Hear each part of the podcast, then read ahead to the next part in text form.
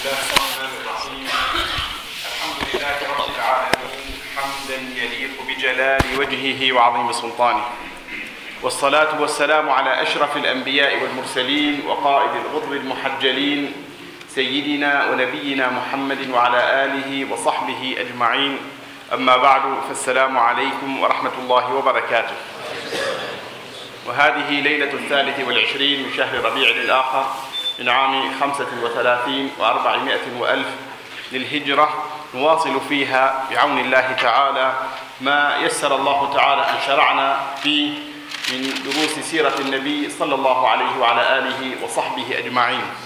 وقد شرعنا في الدرس الماضي في أحداث ولادته صلى الله عليه وسلم وبينا حينها المرضعات اللائي أرضعنه صلى الله عليه وسلم.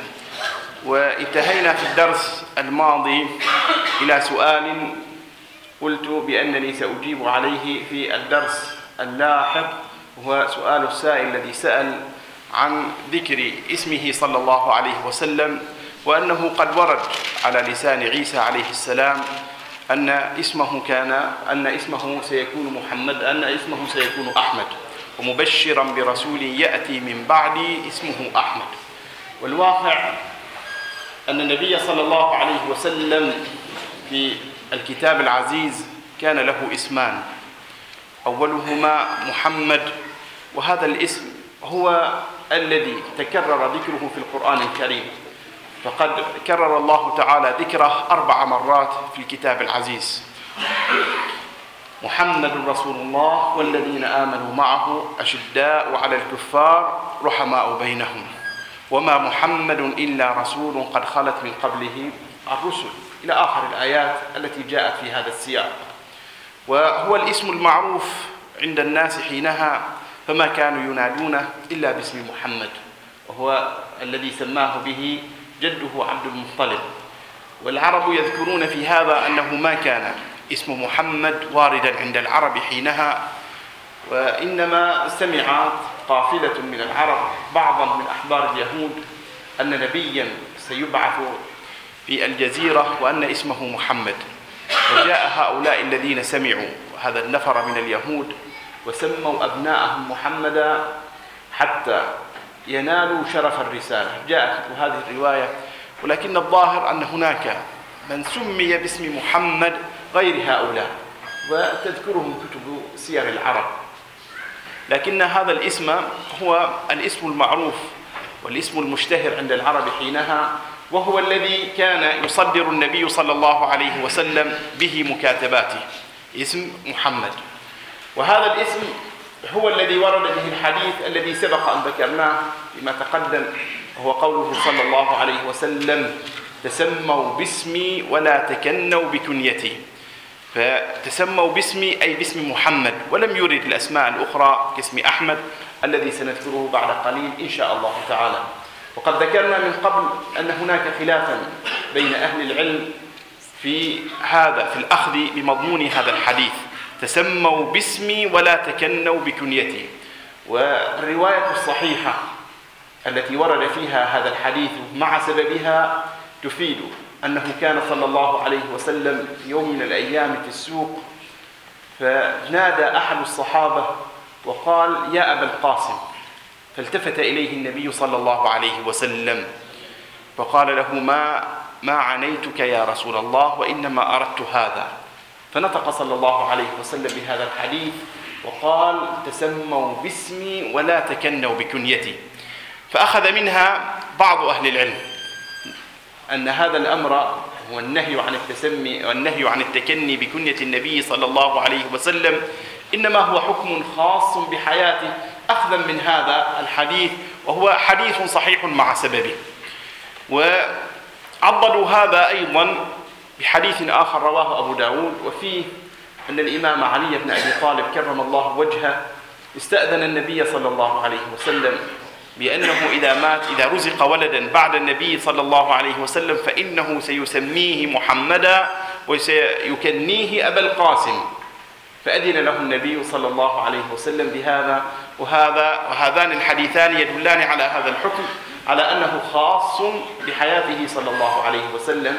وأما بعد حياته فلا بأس على الناس أن يتسموا باسم النبي صلى الله عليه وسلم وأن يتكنوا في الوقت نفسه بكنيته بأن يكون الواحد منهم بأن يقال للواحد منهم أبو القاسم.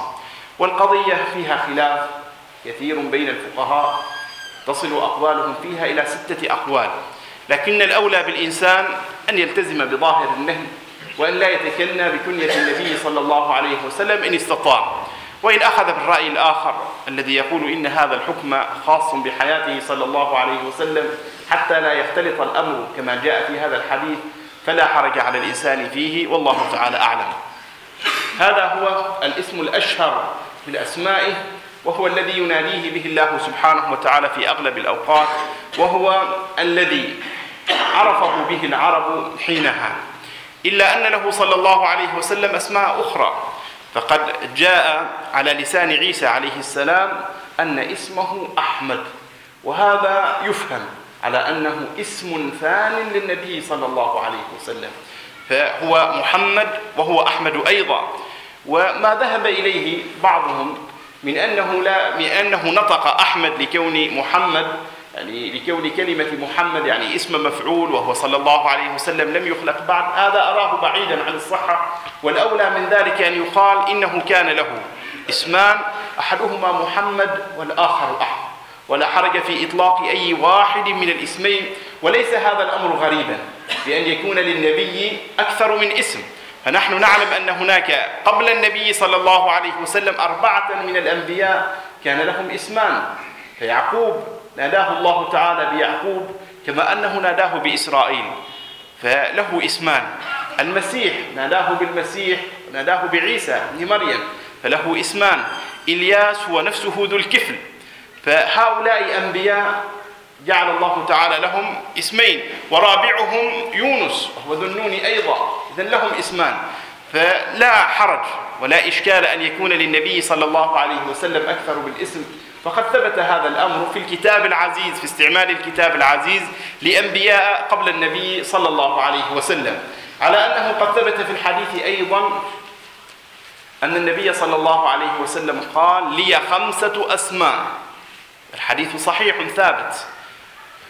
فأنا محمد وأنا أحمد وأنا الماحي الذي محى الله بي الكفر وأنا الحاشر الذي يحشر الناس على قدمي وأنا العاقب الرواية الصحيحة أنه سكت عند هذا وجاء في بعض الروايات أنه قال وأنا العاقب الذي لا نبي بعدي. إلا أن هذه الزيادة الذي لا نبي بعدي الظاهر أنها من كلام الزهري وليست من نص. النبي صلى الله عليه وسلم. في هذا الحديث يثبت لنفسه خمسة أسماء. الاسمان الأولان محمد وأحمد وهما واردان في الكتاب العزيز والأسماء الثلاثة وهي غير واردة إلا في هذا الحديث عن النبي صلى الله عليه وسلم. ولعل الأسماء الثلاثة الأخيرة ما وجدته ينادى بهذا الاسم لم يناده الله بهذا الاسم ولم أجد أحدا من العرب يذكره. بهذا الاسم أيها العاقب أو أيها الحاشر أو أيها الماحي. لعلها صفات والعرب تتجوز كثيرا. فتطلق لفظ الاسم على الصفات. ولله الأسماء الحسنى. وفي الحديث إن لله تسعة وتسعين اسما. مع أنه من حيث العالمية ليس لله إلا اسم واحد وهو لفظ الجلالة الله. لذلك قالوا لا يجوز لأحد أن يتسمى بلفظ الجلالة ومن تسمى بلفظ الجلالة فإنه يكون واقعا في الإثم ويكون مستحقا للتعزير. بل من أهل العلم من قال إنه يقتل. أما الأسماء الأخرى العليم والخبير والحكيم إلى غيره فهذه صفات يمكن للناس أن يتصفوا بها.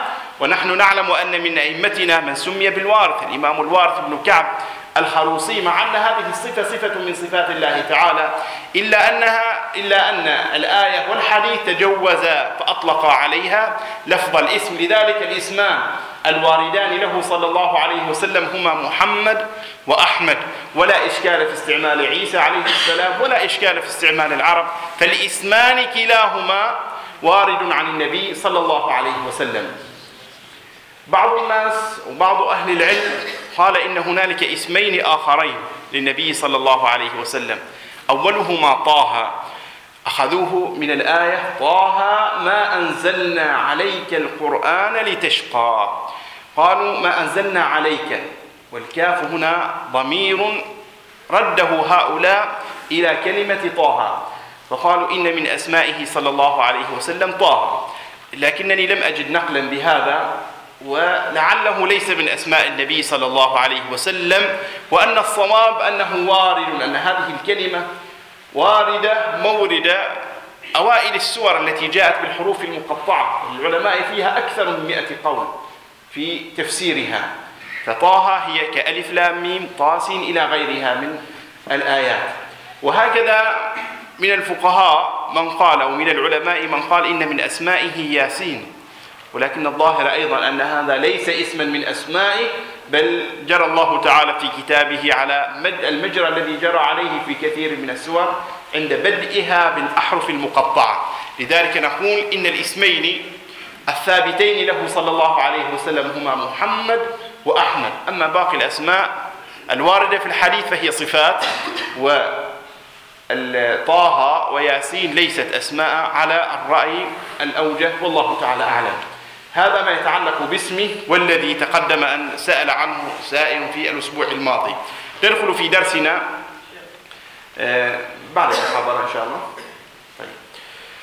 ندخل في درسنا الذي بدأناه في الأسبوع الماضي وهو إرضاع النبي صلى الله عليه وسلم. قلنا إن ثويبة أرضعت النبي صلى الله عليه وسلم مع ابنها مسروح. ومسروح هذا ما وجدت خبرا له من هو أبوه الذي هو أبو النبي صلى الله عليه وسلم من الرضاع وما الذي حصل له بعد ذلك؟ جاءت رواية أنه توفي قبل أمه ثويبة وثويبة توفيت في العام السابع حينما رجع النبي صلى الله عليه وسلم من خيبر وصله خبرها. أما من هو زوجها فكما ذكرنا في الأسبوع الماضي لم أصل إليه إلى الآن ولم أجد رواية تشير إليه. وثويبة أرضعته هو وأبا سلمة كما أرضعت معه عمه حمزة ابن عبد المطلب. والنبي صلى الله عليه وسلم أرضع أيضا من امرأة أخرى هي حليمة بنت أبي ذؤيب السعدية. وحليمة من بني سعد كانوا من أهل البادية. هذه المرأة أرضعت النبي صلى الله عليه وسلم. وكانت لقصة إرضاعها النبي صلى الله عليه وسلم روايات تبين أنه قد حلت البركة في رحاب هذه المرأة بل حلت البركة في قبيلتها كلها ولم تقتصر عليها يوم إرضاع النبي صلى الله عليه وسلم بل كانت بركته على أهلها امتدت إلى يوم حنين لأنه سنأخذ إن شاء الله تعالى حينما نصل إلى غزوة حنين أن النبي صلى الله عليه وسلم بعدما انتصر على هوازن حينها كانت نساؤهم سبايا. هذا الذي تقتضيه الغنائم. والرجال أيضا مقيدون. والغنائم كلها ترجع إلى النبي صلى الله عليه وسلم وأصحابه. فجاءوا وقالوا للنبي صلى الله عليه وسلم يا رسول الله ما هن إلا عماتك وخالاتك وحواضنك.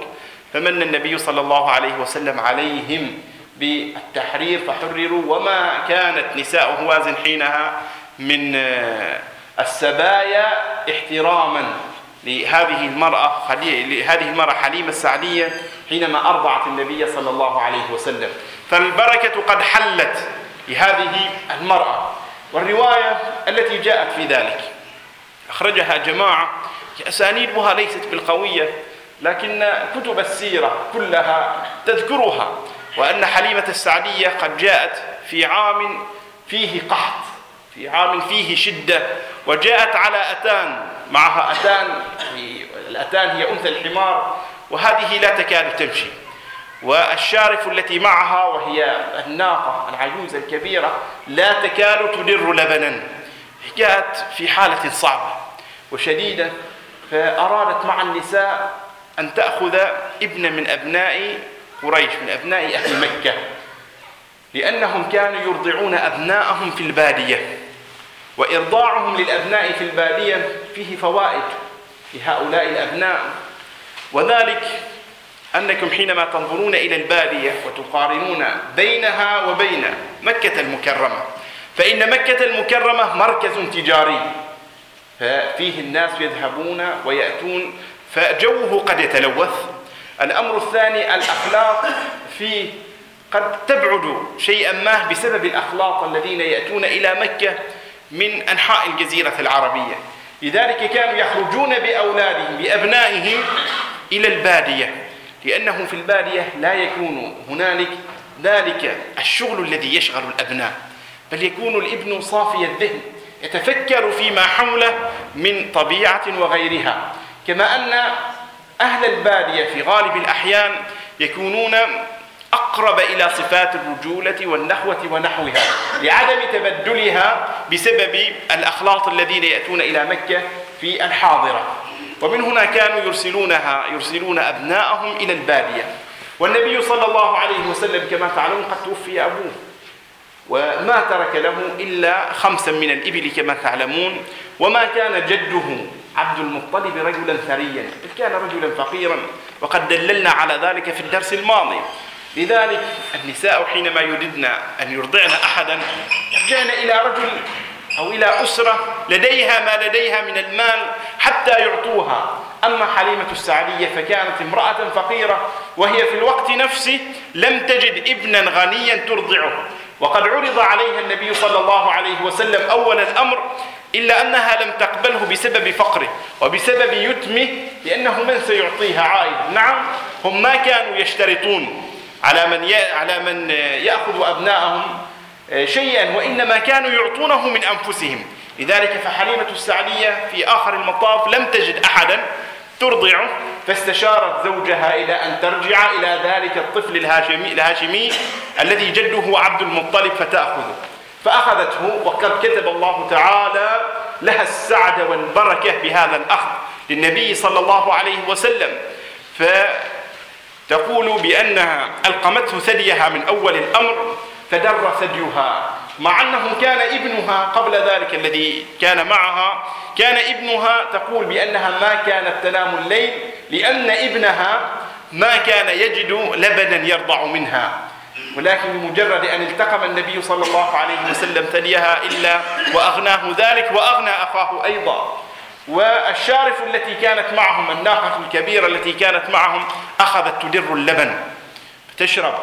والأتان أيضا كانت في آخر القافلة تقول هي بنفسها بأنها بأن الأتان أصبحت في أول القافلة حتى استعجب الناس من حالها كيف أن حالها قد تبدل بمجرد أن كرمها الله تعالى بإرضاع هذا الصبي الصغير والعناية به لأن الله تعالى قد كتب له شرفا ليكون رحمة للأمة كلها. فرجعت والناس يقولون لرعاتهم بعد ذلك في بلدهم ارعوا حيث ترعى إبل حليمة السعدية لأنهم رأوها قد زادت بركتها زاد لحمها جاءها الخير. حتى أن النبي صلى الله عليه وسلم بقي معها عامين كما تعلمون. وهذان العامان في نظر حليمة السعدية وفي نظر من حولها كان عامي خصب لها كان عامي فرح وسعادة وغناء لحليمة السعدية. وكان من عادتهم أنهم يأتون بهؤلاء الصغار ليزوروا آباءهم. في مكة فجاءت به إلى أمه آمنة بنت وهب فكانت آمنة تريد من حليمة السعدية أن تترك الابن معها. فرفضت حليمة السعدية وقالت سأرجعه لأنني أخاف عليه وباء مكة. فردت الصبي معها وبقي النبي صلى الله عليه وسلم مع حليمة السعدية. وفي هذا الحديث نفسه الذي ورد جاء فيه قول حليمة بأن النبي صلى الله عليه وسلم كان يشب على عكس ما يشب عليه الناس أو الشباب حينها. فكان يرى وكأنه ابن شهرين حينما يكون ابن شهر وكأنه ابن أربعة أعوام حينما يكون ابن عامين فكان يشب وينمو بسرعة. رجع بعد السنتين إليها وفي باديتها بادية بني سعد. والخير يلاحق حليبة السعدية والبركة تلاحقها. إلى أن وصل سن الرابعة صلى الله عليه وسلم. وفي سن الرابعة قد بدا شابا كما جاء في وصفها جفرا شابا ممتلئا قويا لا يبدو كأترابه الذين في سنه. فخرج في يوم من الأيام مع أخيه الذي هو ابن حليمة السعدية. وهو خارج يقول بأنه جاءه شخصان فأضجعاه أي أضجعا النبي صلى الله عليه وسلم هذه الحادثة لأرجح أقوال أهل العلم أنها كانت في سن الرابعة من عمره صلى الله عليه وسلم. فأضجعاه وشق صدره واستخرج من صدره علقة سوداء. فرجع أخوه ابن حليمة السعدية رجع إلى أمه فزعا. هذا الحادث الذي رآه لأنه ما اعتاد أن يرى مثل هذا الحادث. فرجع إلى أمه فزعا وقال لها يا أماه إن أخي الهاشمي قد جاءه رجلان فأضجعاه فأخذت تسرع حليمة السعدية إليه وتسأله ما الذي حصل؟ فأخبرها القصة وأنه جاء رجلان وأضجعاه وشق صدره واستخرج من صدره علقة سوداء. فخشيت حليمة السعدية من هذا الحادث. وخشيت أن يكون النبي صلى الله عليه وسلم قد ألبس وأضرت به الجن. فاستشارت زوجها الحارث بن عبد العزى استشارته في أن ترجع بهذا الطفل الهاشمي. هي موقنة في نفسها بعدما رأت ما رأت موقنة أن هذا الطفل ليس كباقي الأطفال وأن له خاصية معينة هي لا تستطيع التعبير عنها لا تعرفها ولكنها ترى السعد يحل حيثما يحل هذا الصبي الصغير. ومع ذلك خافت عليه وخشيت. فرجعت به إلى أمه آمنة. آمنة يعني تعجبت من الحال. أنت بالأمس كنت حريصة عليه كنت ممسكة به. لم ترضي أن تتركيه معي. فما الذي حصل؟ قالت بأنه قد شب وأريد أن أرده إليه. فقالت لها بأنني لن آذن لك حتى تخبريني ما الذي حصل بابني فأخبرتها الخبر. فقالت حليمة السعدية حينها أو قالت آمنة بنت وهب حينها أو خشيت على ابني؟ قالت نعم. فقالت لها والله إن لابني هذا شأنا. ثم أخبرتها بأنها حينما حملت به رأت نورا يخرج منها أضاء لها قصور بصرى في الشام. فآمنة بنت وهب أحست بالأمر أن هذا الطفل بهذه المزايا لن يضيعه الله تعالى وأن هذا الأمر الذي رأته حليمة السعدية حادثة شق الصدر ما كان أمرا عرضا بل هو أمر متسق مع الحال العام الذي رأوا عليه النبي صلى الله عليه وسلم منذ أول الأمر. فكانت هذه الحادثة وهي حادثة شق الصدر هي السبب في رد النبي صلى الله عليه وسلم إلى مكة المكرمة. وحادثة شق الصدر قد جاءت في أربع روايات. هذه هي رواية من رواياتها. رواية صحيحة أخرجها مسلم كما أخرجها الجماعة الذين رووا حديث حليمة السعدية. وكما قلنا بأنها صحيحة من حيث إسنادها. أيضا رويت هذه الحادثة يوم الإسراء والمعراج. أي بعد البعثة قد جاء أنه جاءه أيضا ملكان وشق صدره. وهذه سنأخذها إن شاء الله تعالى في وقتها. وهي حادثة صحيحة أيضا ثابتة بإسنادها. جاءت روايتان أخريان لكنهما ضعيفتان. أولاهما أنه شق صدره. هذه الرواية عند أحمد في المسند شق صدره وهو ابن عشر سنين لكن هذه الرواية ضعيفة. والثانية عند أبي داود الطيالسي وهو أنه شق صدره صلى الله عليه وسلم عند مبعثه أي حينما نزل عليه جبريل بالوحي أول الأمر. فهذه رواية رابعة لكن هاتين الروايتين الأخيرتين ضعيفتان. والروايات الصحيحة هي الرواية رواية حليمة السعدية ورواية الإسراء والمعراج التي سنفصلها في وقتها إن شاء الله تعالى. ومن الناس من استشكل هذه الحادثة حادثة شق الصدر فقالوا بأنها حادثة خارجة عن المنطق إذ كيف يشق صدره صلى الله عليه وسلم حينها؟ وما الذي يغسل منه؟ وهل الأمراض هذه شيء؟ يغسل حتى يتاح لأي إنسان في زماننا هذا أن يشق صدره وأن تزال منه خصال السوء هذه ليكون إنسانا سويا. على أي حال هذه الحادثة ثابتة في أسانيدها وهي متعددة حتى لا يقال باضطرابها هي متعددة حصلت في وقتين مختلفين ولكل وقت حكمه الخاصة به. وكون الأنبياء تحصل لهم بعض الخوارق هذا أمر قد نص الله تعالى عليه في كتابه. ونحن حينما ننظر إلى النبي صلى الله عليه وسلم ونسير في قراءة سيرته هذه علينا أن لا ننظر إليه على أنه بشر من حيث هذه الأحكام الخارقة للعادة. بل هو نبي يراد منه أن يكون خاتما للرسل. فلا بد من أن تكون عليه صفات معينة هي التي تدعو الناس أو تدعو كثيرا من الناس إلى أن يؤمنوا به. وهذا الأمر ليس عجيبا. فالله سبحانه وتعالى قد نص على أن عيسى عليه السلام كان يحيي الموتى كما أنه يبرئ الأكمه والأبرص وعلى أن نار النمرود لم تؤثر في إبراهيم عليه السلام إلى غير ذلك من الكرامات الكثيرة. ونص على أهل الكهف وأنهم بقوا فترة طويلة من الزمان في الكهف ثم قاموا ولم يكن بهم شيء. والقوانين الطبيعية التي نعرفها الآن لا تتيح مثل هذا الأمر. لكننا بين خيارين. إما أن نكذب كتاب الله تعالى وإما أن نصدقه. فإن كنا مؤمنين حقا بكتاب الله فهذا الذي يذكره كتاب الله تعالى أنه قد يؤيد بعض أنبيائه بمثل هذه الكرامات. وحادثة شق الصدر ما دامت جاءت بأدلة صحيحة هي جارية على السنن السابق. ففيها تهيئة للنبي صلى الله عليه وسلم نفسه كما أن فيها تهيئة للناس الذين حوله بأن هذا الصبي ليس كباقي الصبيان بل هو صبي سيكون له شأن معين.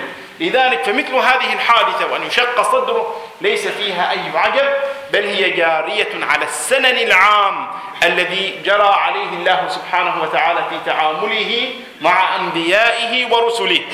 وهذا الأخذ من حظ الشيطان حينما نفسره هنا سنجد أن حياته صلى الله عليه وسلم قبل البعثة ما كانت إلا حياة الشاب الصالح الشاب الذي كان بعيدا عن الأخلاط في مكة فإنه كان يوجد في مكة توجد المعازف يوجد الرقص وغيرها من خصال السوء التي يحرص عليها كثير من شبان مكة.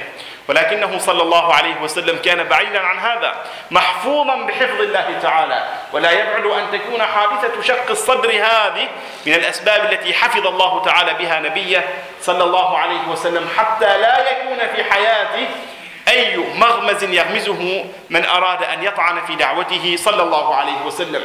لذلك فالحادثة صحيحة. على أن الطب الآن كما تعلمون يشق الصدر وتجرى العمليات للقلب ولا إشكال في ذلك بل أصبحت من العمليات المعتادة التي تحدث في اليوم عشرات بل مئات المرات على مستوى العالم. فيعجز الله سبحانه وتعالى عن أن يكرم نبيه صلى الله عليه وسلم بمثل هذا الأمر لا شك أن ذلك ما دام متاحا للبشر الآن فالله سبحانه وتعالى هو القوي القادر على كل شيء وليس في ذلك من عجب. لذلك فهذه الحادثة هي حادثة صحيحة ثابتة على ما يظهر وليس فيها أي مغبز. لأنها جارية على سنن الخوارق من العادات التي يكرم الله تعالى بها أنبياءه ومن شاء من عباده. والأمر قد حقق أو قرر جوابه في القرآن الكريم. ولا يمكننا أن نقول بعد ذلك من أن هذا الأمر يحتاج إلى نص قطعي. ما دام الجواز ثابتا في الكتاب العزيز إذا بقية الحوادث يمكن أن تثبت بمثل هذا الأمر وسيأتي معنا فيما بعد أن النبي صلى الله عليه وسلم في شيء من غزواته قد خرج الماء نبع الماء من بين أصابعه إلى آخر الأحداث الكثيرة التي وردت. فنشترط فيها الصحة الإسنادية وعدم معارضة القرآن الكريم والقطعيات في الشريعة وفي العقل وحينها نقول بأن هذه الحادثة صحيحة ولا إشكال فيها. بعد هذه الحادثة رجع النبي صلى الله عليه وسلم إلى أمه آمنة إلى أمه الحنون التي كانت مشتاقة إليه. وتعلم أن لابنها هذا شأنا وإن كانت لا تدرك ما هو هذا الشأن لا إلا أن الأحداث تدل على أن له أمرا عظيما سيحصل له. لذلك رجع ابنها إليها وهي تعز المرأة بطبيعتها تعز ابنها. فكيف بها حينما ترى أن لابنها هذا شأنا لا شك أنها ستسعى إلى أن تبذل ما تستطيع من جهد في سبيل إسعاد هذا الطفل والعناية بشأنه. وقد كانت على هذا الحال تعزه وتكرمه. وأخذته في آخر حياتها أخذته في زيارة لأخواله صلى الله عليه وسلم بني عدي ابن النجار في المدينة المنورة. أخذته معها لتعرفه على أخواله. وهكذا هي المرأة الحصيفة هكذا هي المرأة المتعلمة فإنها لا تجعل هنالك حاجزا بينها وبين أرحام ابنها. لا تجعل هنالك حاجزا حينما علمت أن هؤلاء الأخوان ليسوا أخوالها هي وإنما هم أخوال أبيه عبد الله الذين توفي عندهم أبوه عبد الله بن عبد المطلب. ولكنها مع ذلك أخذت ابنها هذا لزيارتهم. حتى تغرس في نفسه مبدأ الاتصال بالآخرين حتى تغرس في, في نفسه مبدأ التواصل مع الأرحام. نحن نشكو من مثل هذا الأمر عند كثير من الرجال والنساء في زماننا. فأضحى كثير منهم لا يعرفون أرحامهم لا يعرفون أقاربهم. والسبب في ذلك هو قلة التواصل. لكن آمنة بنت وهب التي سخرها الله تعالى لأمومة نبيه صلى الله عليه وسلم كانت تحضه على هذا الأمر. فذهبت به لزيارة أخواله. بني عدي بن النجار وحينما خرجوا من هنالك في منطقة الأبواء منطقة الأبواء هي منطقة قريبة لمنطقة الفرع التي هي قريب أقرب ما تكون إلى المدينة المنورة. موجودة الآن من يذهب في الطريق يعرفها. مرضت آمنة بنت وهب حينها وتوفيت ودفنت في ذلك الموضع في الأبواء وأخذته بعد ذلك يعني وصيفة أبيها وصيفة أمها أم أيمن. قد ذكرنا أم أيمن من قبل وقلنا بأنها حاضنة النبي صلى الله عليه وسلم وأنه كان يكرمها وأنه من حبه لها زوجها أحبه آه، زيد بن حارثة. فأم أيمن هي من اعتنى به وردت النبي صلى الله عليه وسلم إلى مكة المكرمة في الطريق المسافة بعيدة. فردته ودفنت آمنة بنت وهب في ذلك الموضع موضع الأبواء وقد ذكرت في آخر الدرس الماضي أن نبينا صلى الله عليه وسلم كان حفيا بأمه محبا لها راعيا لشأنها مقيما على برها بعد وفاتها حتى بعد البعثة. فإن إلى الثابت كما قلت أنه بعد فتح مكة جاء النبي صلى الله عليه وسلم المدينة المنورة وفي الطريق كما يقول الصحابة مال إلى قبر قديم هم لا يعلمونه فبكى عنده بكاء شديدا حتى أبكى كل من حوله. بل يقول بعض الرواة أنه ما رأينا النبي صلى الله عليه وسلم يبكي بكاء كبكائه في ذلك اليوم. والصحابة بكوا بكاء شديدا لبكاء لرؤيتهم. النبي صلى الله عليه وسلم يبكي. فجاء أحدهم وسأله السائل هو عمر بن الخطاب رضي الله عنه وسأله عن سبب هذا البكاء. فقال له صلى الله عليه وسلم إنني استأذنت ربي في أن أستغفر لأمي فلم يأذن لي واستأذنته في أن أزور قبرها فأذن لي. زار قبرها بعد أن أذن الله تعالى له بهذه الزيارة. وهذا التصرف منه صلى الله عليه وسلم قد يكون فيه شيء من التشريع للبر بالآباء مهما كان حال الأب. وصاحبهما في الدنيا معروفة ولو كان الأب مشركا ولو كان الأب كافرا لا بد من صحبته بالمعروف. فلا يجوز أن يعلو الإنسان على أبيه. ولا يجوز للإنسان أن يذكر أباه بسوء ولو كان أباه بيتا وعلى سبيل المعصية. بل يسكت عنه. وقد يكون في هذا التصرف منه صلى الله عليه وسلم تصرف بمنطق البشرية.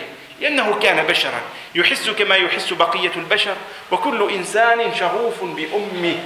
لذلك زار قبرها ونأخذ من هذا حكما أنه يمكن للإنسان أن يزور قبر المشركين.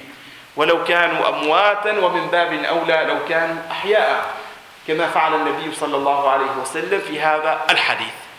رجع مع حاضنته أم أيمن. بركة الحبشية وقد كانت امرأة مباركة. رجع إلى مكة المكرمة. وكفل وكان عمره حينها ست سنوات. وكفله جده عبد المطلب. عبد المطلب وهو سيد مكة حينها بيده السقاية والرفادة. كان رجلا تنطبق عليه خصال السيادة حينها. وأنه فاق أقوامه بفضائل وليس بفضيلة واحدة.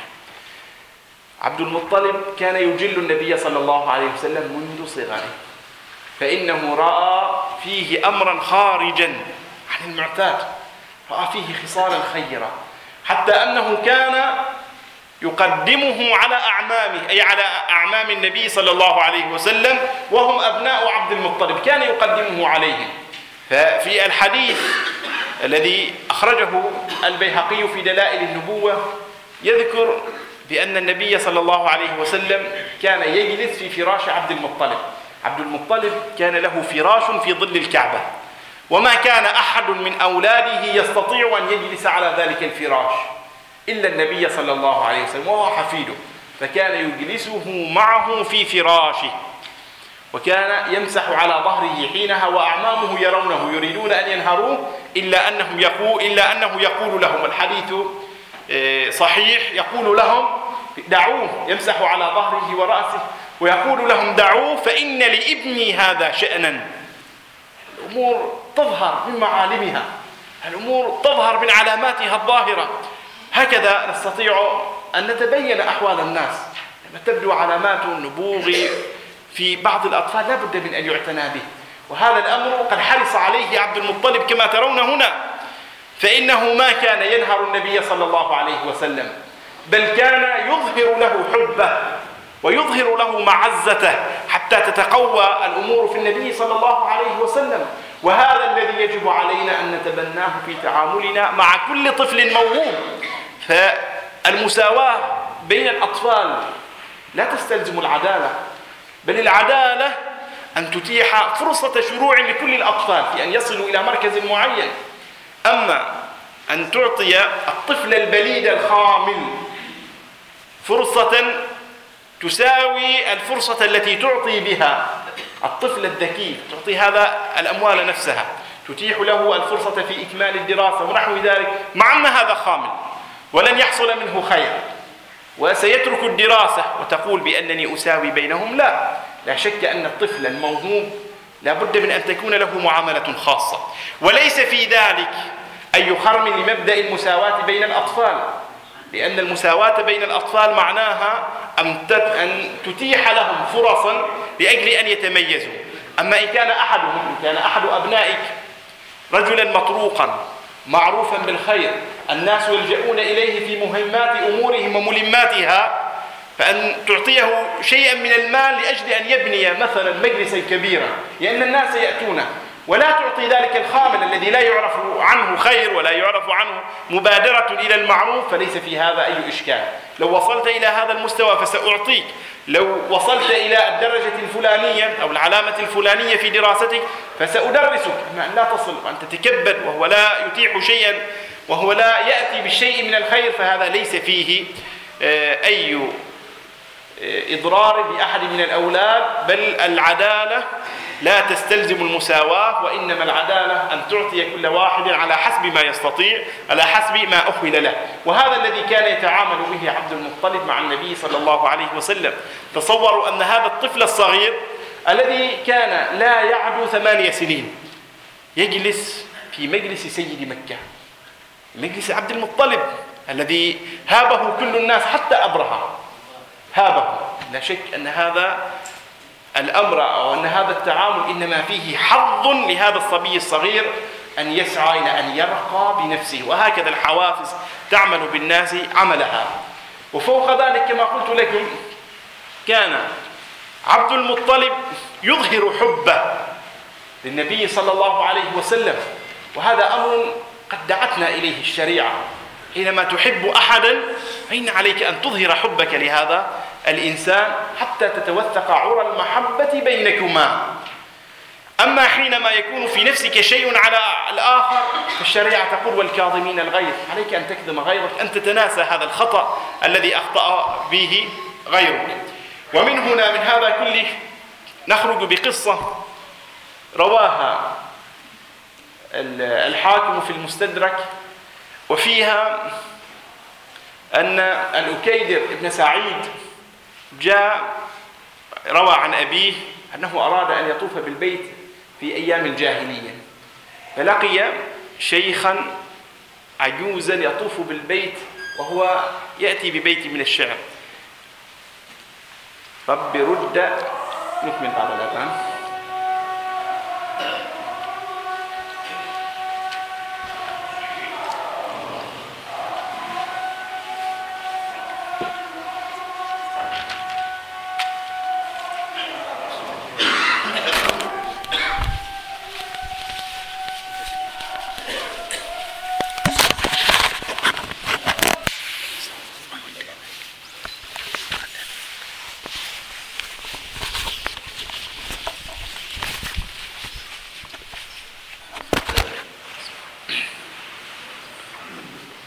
ومما يدل على معزة النبي صلى الله عليه وسلم في قلب عبد المطلب أنه جاء هذا الرجل الذي يروي الحديث ليطوف بالبيت في أيام الجاهلية كما يقول بنفسه.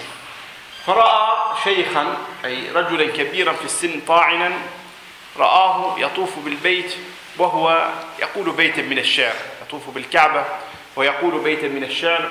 ربي رد إلي راكبي محمدا رده إلي واصطنع لي يدا. يقول هذا البيت رد إلي راكبي محمدا الراكب الذي خرج عنه وهو محمد يدعو ربه ويطوف بالبيت أن يرده الله تعالى إليه. فسأل سعيد هذا من كيد يروي عن أبيه سعيد سأل الناس هناك من هو هذا الرجل؟ فقيل له إنه عبد المطلب. يدعو ربه أن يرد عليه ابن ابنه محمدا. وذلك أن عبد المطلب كان لا يرسل محمدا في حاجة إلا أنجح أي إلا قضاها على أتم وجوهها. وفي ذلك اليوم أرسله تابعا لإبل قد خرجت عنه. قد خرجت عنه إبل يملكها عبد المطلب فأرسل محمدا يتبعها ليردها. فتأخر محمد صلى الله عليه وسلم تأخر في رجوعه. وما إن تأخر في رجوعه إلا وحزن عليه عبد المطلب حزنا شديدا حتى أنه من شدة حزنه خرج إلى الكعبة يطوف بها ويدعو ربه سبحانه أن يرد عليه محمدا صلى الله عليه وسلم. وحينما جاء محمد ومعه الإبل التي خرج تابعا لها التي خرج ليرجعها. ما إن رجع محمد صلى الله عليه وسلم إلا واحتضنه عبد المطلب وعانقه عناقا شديدا. يدل على مقدار المحبة التي كانت في قلبه. وأخبره حينها والله إنني لم أحزن على أحد من قبل قط كحزني عليك الآن. أي أن كل الذي مضى لو حدث ما حدث لأبنائه ولغيرهم ما كان يحزن عليه عبد المطلب كما حزن على محمد ابنه وحفيده محمد في تلك الساعة. ثم قال والله لن أرسلك إلى مكان بعد اليوم. لأن كانت هذه الحادثة هي السبب في أن تذهب عني وأن يأتيني كل هذا الحزن فإنني لن أرسلك إلى إلى أمر بعد اليوم. ولازمه صلى الله عليه وسلم وبقي معه في كل أحواله. ولا شك أن ملازمة النبي صلى الله عليه وسلم لعبد المطلب وعبد المطلب حينما تسمعون اسمه فتخيلوا أنه هو سيد مكة أنه أبو الفواضل وأنه أبو الخصال الخيرة وأنه لن يحضر ناديه ومجلسه إلا كبار القوم إلا الرجال الذين بيدهم الأمر والنهي حينها. فكيف سيكون حال هذا الطفل؟ لا شك أنه سيكون طفلا عاليا في تفكيره مقيما على فضائل الأمور لأن الطفل الذي ينشأ بعيدا عن خصال الرجولة ينشأ بعيدا عن أن يرى أفعال الرجال لا شك أنه لن يكون طفلا بمقدار الكلمة لا رجلا بمقدار الكلمة بل سيكون رجلا أقرب إلى خصال النساء في بروده في بعده عن معالي الأمور ونحوها. ومن هنا كان عبد المطلب حريصا على ذلك. وإن كان عبد المطلب غير مسلم حينها إلا أن لنا فيه درسا. أن على الإنسان أن يحرص حينما يربي أبناه على مثل هذه الخصال. هذا الأمر الأول. الأمر الثاني إن أحببت أحدا فليس من العيب أن تبوح بحبك لهذا الإنسان. أن تبوح بعاطفتك. فنبينا صلى الله عليه وسلم يرشدنا إلى هذا. وأنه إذا أحب أحدكم أخاه فليعلمه. أني أحبك وليقل له الآخر أحبك الله الذي أحببتني فيه. فإظهار مشاعر المحبة والمودة والعواطف الخيرة هو مما يقوي العلاقات بين الناس في حين أننا نجد المبدأ عند كثير من الناس في زماننا. وقد سمعته كثيرا ومرارا وتكرارا من الناس من يفتخر وكأنه شجاع حينما يقول إن ما في قلبي على لساني. وبأنني لا أظن شيئا. وحينما يغضب على على إنسان لأي موقف يعطيه في وجهه هكذا ويظن أنه بذلك يفعل خيرا. على العكس من ذلك الشريعة ما أمرت بهذا الأمر بل قالت والكاظمين الغيظ والعافين عن الناس والله يحب المحسنين. تسعى إلى أن تتناسى هذه الذكريات السيئة والمؤلمه في علاقتك مع الآخرين وكن كعبد المطلب في إفصاحك بحبك لأبنائك في إفصاحك. بحبك لمن تحبهم وتودهم فإن في ذلك تقوية للعلاقات بينكم. بقي النبي صلى الله عليه وسلم مع هذا الرجل المقدم في قومه عبد المطلب. وحينما توفي أوصى به أي بالنبي صلى الله عليه وسلم ليكون مع عمه أبي طالب. واختار عمه أبا طالب من بين بقية أعمامه لأمر. وهو أن أبا طالب كان شقيقا لعبد الله بن عبد المطلب. كان أخاه لأبيه وأمه. وكان رجلا منظورا إليه في قومه. وهو سيد من سادات قومه. لأنكم تعلمون أن الأبناء مختلفون. وأن الأبناء يتباينون. فمن الأبناء من يكون رجلا معروفا تستطيع أن تسند إليه المهام ومنهم من لا يكون كذلك. لذلك اختار لهذا الصبي أن يكون مع عمه أبي طالب حتى ينشأ معه على الخير وحتى ينشأ معه على المعروف وكان ذلك في السنة الثامنة للهجرة. وبقي أبو طالب كما تعلمون لما بعد البعثة. بل كثير من الروايات تقول إن أبا طالب عمر كثيرا حتى بلغ 120 عاما. وبقي مع النبي صلى الله عليه وسلم. وأبو طالب في تعامله مع النبي صلى الله عليه وسلم وحينها يعني قد بلغ بعد الثامنة العاشرة والثانية عشرة وما بعد ذلك هذا السن يفترض فيه أن يكون هذا الصبي أقرب لصفات الرجولة وأن يكون أبعد عن أن يكون مع النساء في مثل هذا الحال. ولذلك أبو طالب كان يحضه على العمل كان يأخذه معه في رحلاته. وجاءت رواية أنه حينما بلغ النبي صلى الله عليه وسلم اثني عشر عاما أخذه, أخذه عمه أبو طالب في سفرته إلى الشام. وهنا حدثت قصة بحيرة. بحيرة كان راهبا من رهبان اليهود. وجاء أن لديه علما بالكتاب وأن أهل مكة ما كانوا يقتربون من مكان بحيرة صومعة بحيرة وفي ذلك اليوم اقتربوا منها ونزلوا عنده. وما كان يخرج هو قبل ذلك لملاقاتهم وللحديث معهم إلا أنه في هذه الرحلة خرج لملاقاتهم والحديث معهم. ثم إنه ذكر لهم لأن لهذا الصبي شأنا. لأن لهذا الصبي شأنا وأنه رأى الأشجار تسجد له سجود لعله سجود آه، احترام ومودة وليس سجود عبادة كما هو في حال سجود الملائكة لآدم لأبينا آدم. وأنه رأى غمامة تضلل النبي صلى الله عليه وسلم. ثم حذر أبا طالب لأنه سأله كما جاء في الرواية من أبو هذا الغلام؟ فقال أبو طالب أنا. فقال أبو حيرة ما ينبغي لمثل هذا الغلام أن يكون له أب معنى أنه يتيم. وقال أنا عمه فحذره من كيد يهود وأن يهود إن وجدوه قتلوه.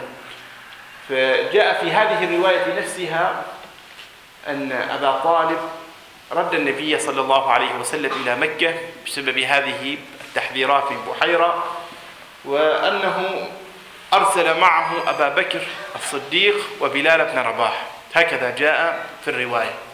والرواية هذه محل خلاف بين أهل العلم في إثباتها حيث أسانيدها هي ليست بالقوية. وفيها أشياء منكرة فيها أشياء منكرة. منها أنه قال بأنه رأى الشجرة تميل إليه حتى يضلله فيئها. وفي الوقت نفسه قال بأنه كانت هنالك سحابة تضلله فيفترض من هذا أنه إن كانت هنالك سحابة فالسحابة فوق الشجرة وإن كانت هنالك سحابة أو غمامة فوق الشجرة فمعنى ذلك أنه لن يكون للشجرة أي ظل. فمن أين سيأتي هذا الفيء الذي يظلل النبي صلى الله عليه وسلم؟ ثم إنه ذكر بأن أبا طالب أرسل مع النبي صلى الله عليه وسلم أبا بكر وبلال. أبو بكر نعلم أنه أصغر من النبي صلى الله عليه وسلم بعامين أو بعامين ونصف. فكيف يرسله مع أبي بكر الصديق حينها؟ لا يمكن يرسله معه. وأصغر منه فكيف يرسله معه؟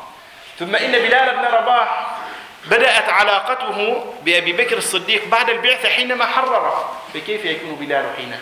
على أن بلال بن رباح أصغر من النبي صلى الله عليه وسلم. فكيف يرجع بلال مع أبي بكر والنبي صلى الله عليه وسلم. هذه أمور لا تعقل. الأمر الثالث بحيرة في هذا الحديث المروي أخبر شيوخ قريش الذين كانوا في القافلة معه بأن يحفظوا هذا وبأن الله تعالى سيجعله نبيا وبأنه سيكون له شأن وبأن يهود سيسعون إلى قتله. وأخبر عمه أبا طالب بأن يحافظ عليه. أين ذهب هذا الكلام كله بعد بعثة النبي صلى الله عليه وسلم؟ لماذا خاف النبي صلى الله عليه وسلم بعد نزول الوحي عليه؟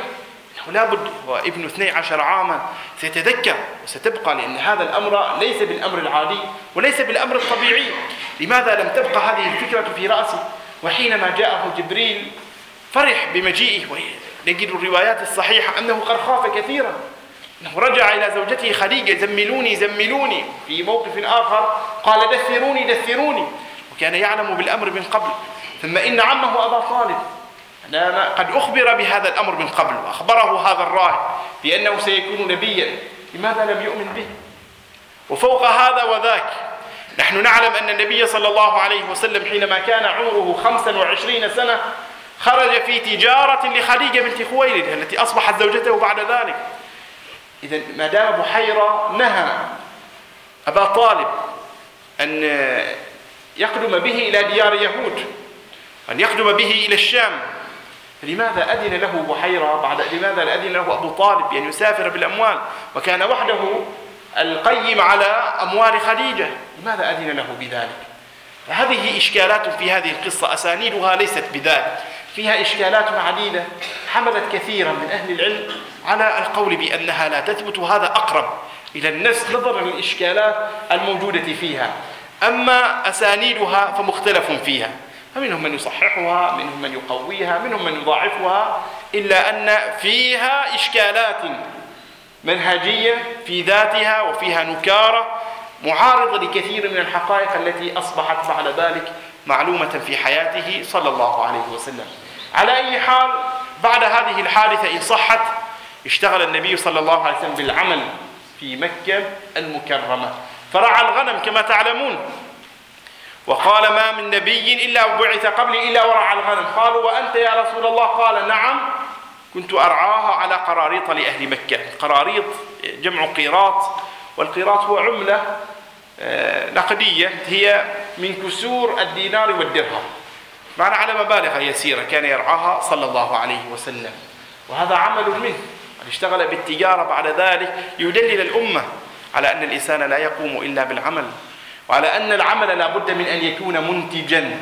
مجتمعاتنا الآن من أكبر مشكلاتها البطالة. الموارد موجودة عندنا وهي كثيرة وأكثر يعني إذا جئتم إلى اليابان الآن ستجدون أن اليابان خلو من أي مورد من الموارد سوى العقل البشري والكادر البشري إن صحت الكلمة الذي يسعى إلى العمل. أما نحن فمعنا البترول معنا البحر معنا معنا معنا إلا أن البطالة مستحكمة فينا. والبطالة عند الاقتصاديين أقسام عديدة كما تعلمون. فهنالك البطالة الاحتكاكية هنالك البطالة الهيكلية ويخصنا كثيرا في هذه الأيام البطالة المقنعة. البطالة المقنعة قالوا هي أن يعمل العامل عملا في ظاهر الأمر إلا أن إنتاجيته تساوي الصفر.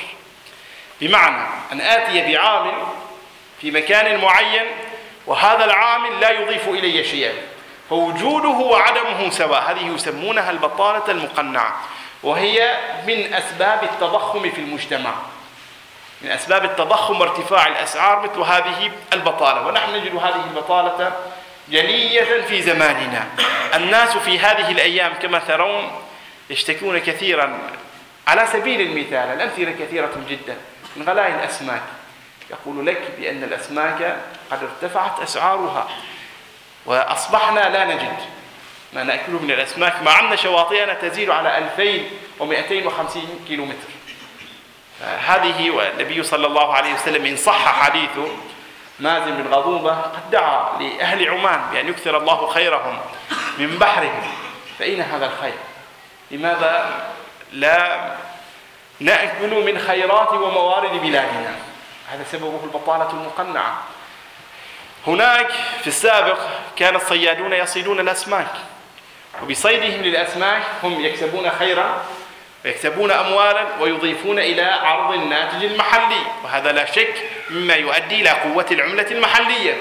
لكن الآن ذهب هؤلاء الصيادون وذهبوا إلى وظائف مدنية معينة يأخذ في آخر الشهر مبلغا من المال وتركت مهنة الصيد وارتفعت الأسعار بعدها. فكان الضرر سلبيا من جانبين. الجانب الأول أنه قل المعروض من الأسماك الجانب الآخر أنه عمل هؤلاء في بطالة مقنعة لا تنتج شيئا. لذلك كان الضرر سيئا على العملة بأن تهاوت قيمتها. في السابق كنت تستطيع أن تشتري كيلوين من اللحم بريال واحد من السمك بريال واحد. في هذا اليوم لا تستطيع أن تشتري كيلو واحد بأقل من أربعة ريالات إن كان السمك جيدا. لأن هذا تهاون في قيمة العملة وسبب مثل هذا العزوف عن العمل. ونبينا صلى الله عليه وسلم ما كان هكذا بل كان يعمل ويحض أمته على العمل وسنأخذ بإذن الله تعالى في الأيام القادمة أمثلة كثيرة جدا فيها كيف أنه كان يسعى إلى زيادة العرض المحلي في بلاده وإلى أن يكون هنالك اكتفاء لمجتمع المسلمين بحيث لا يأخذ هؤلاء من أعدائهم من اليهود فهو الذي قال من أحيا أرضا ميتة فهي له لأنه كان اليهود يمتلكون النخيل وما كان عند المسلمين نخيل. لذلك حضهم على إحياء الأرض المواد حتى يتغانوا عن ما كان عليه اليهود حينها. هذا أمر سنشرحه كثيرا إن شاء الله تعالى في في سيرتنا مع آه، سيرة خير الخلق صلى الله عليه وسلم. بقي حادث أخير أختم به درس هذه الليلة وهو أن النبي صلى الله عليه وسلم كان يشترك مع بني قومه في المعاهدات والاتفاقات والأعمال التي يراد منها نصرة المظلومين. لعلكم سمعتم عن حلف الفضول. حلف الفضول هذا ما هو؟ جاء رجل من اليمن وعنده سلعة وباعها لبعض سادة قريش حينها.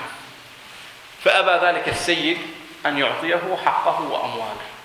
وما طلب إلى أن اضطر هذا اليمني أن يصعد في جبل أبي قبيس جبل مشرف من يصعد إليه يرى الكعبة. الجبل قريب من مكة الآن وإن كان قطع بعضه من الكعبة وإن كان بعضه قد قطع الآن. المهم أنه صعد جبل أبي قبيس وأهل قريش ووجهاؤها موجودون عند الكعبة.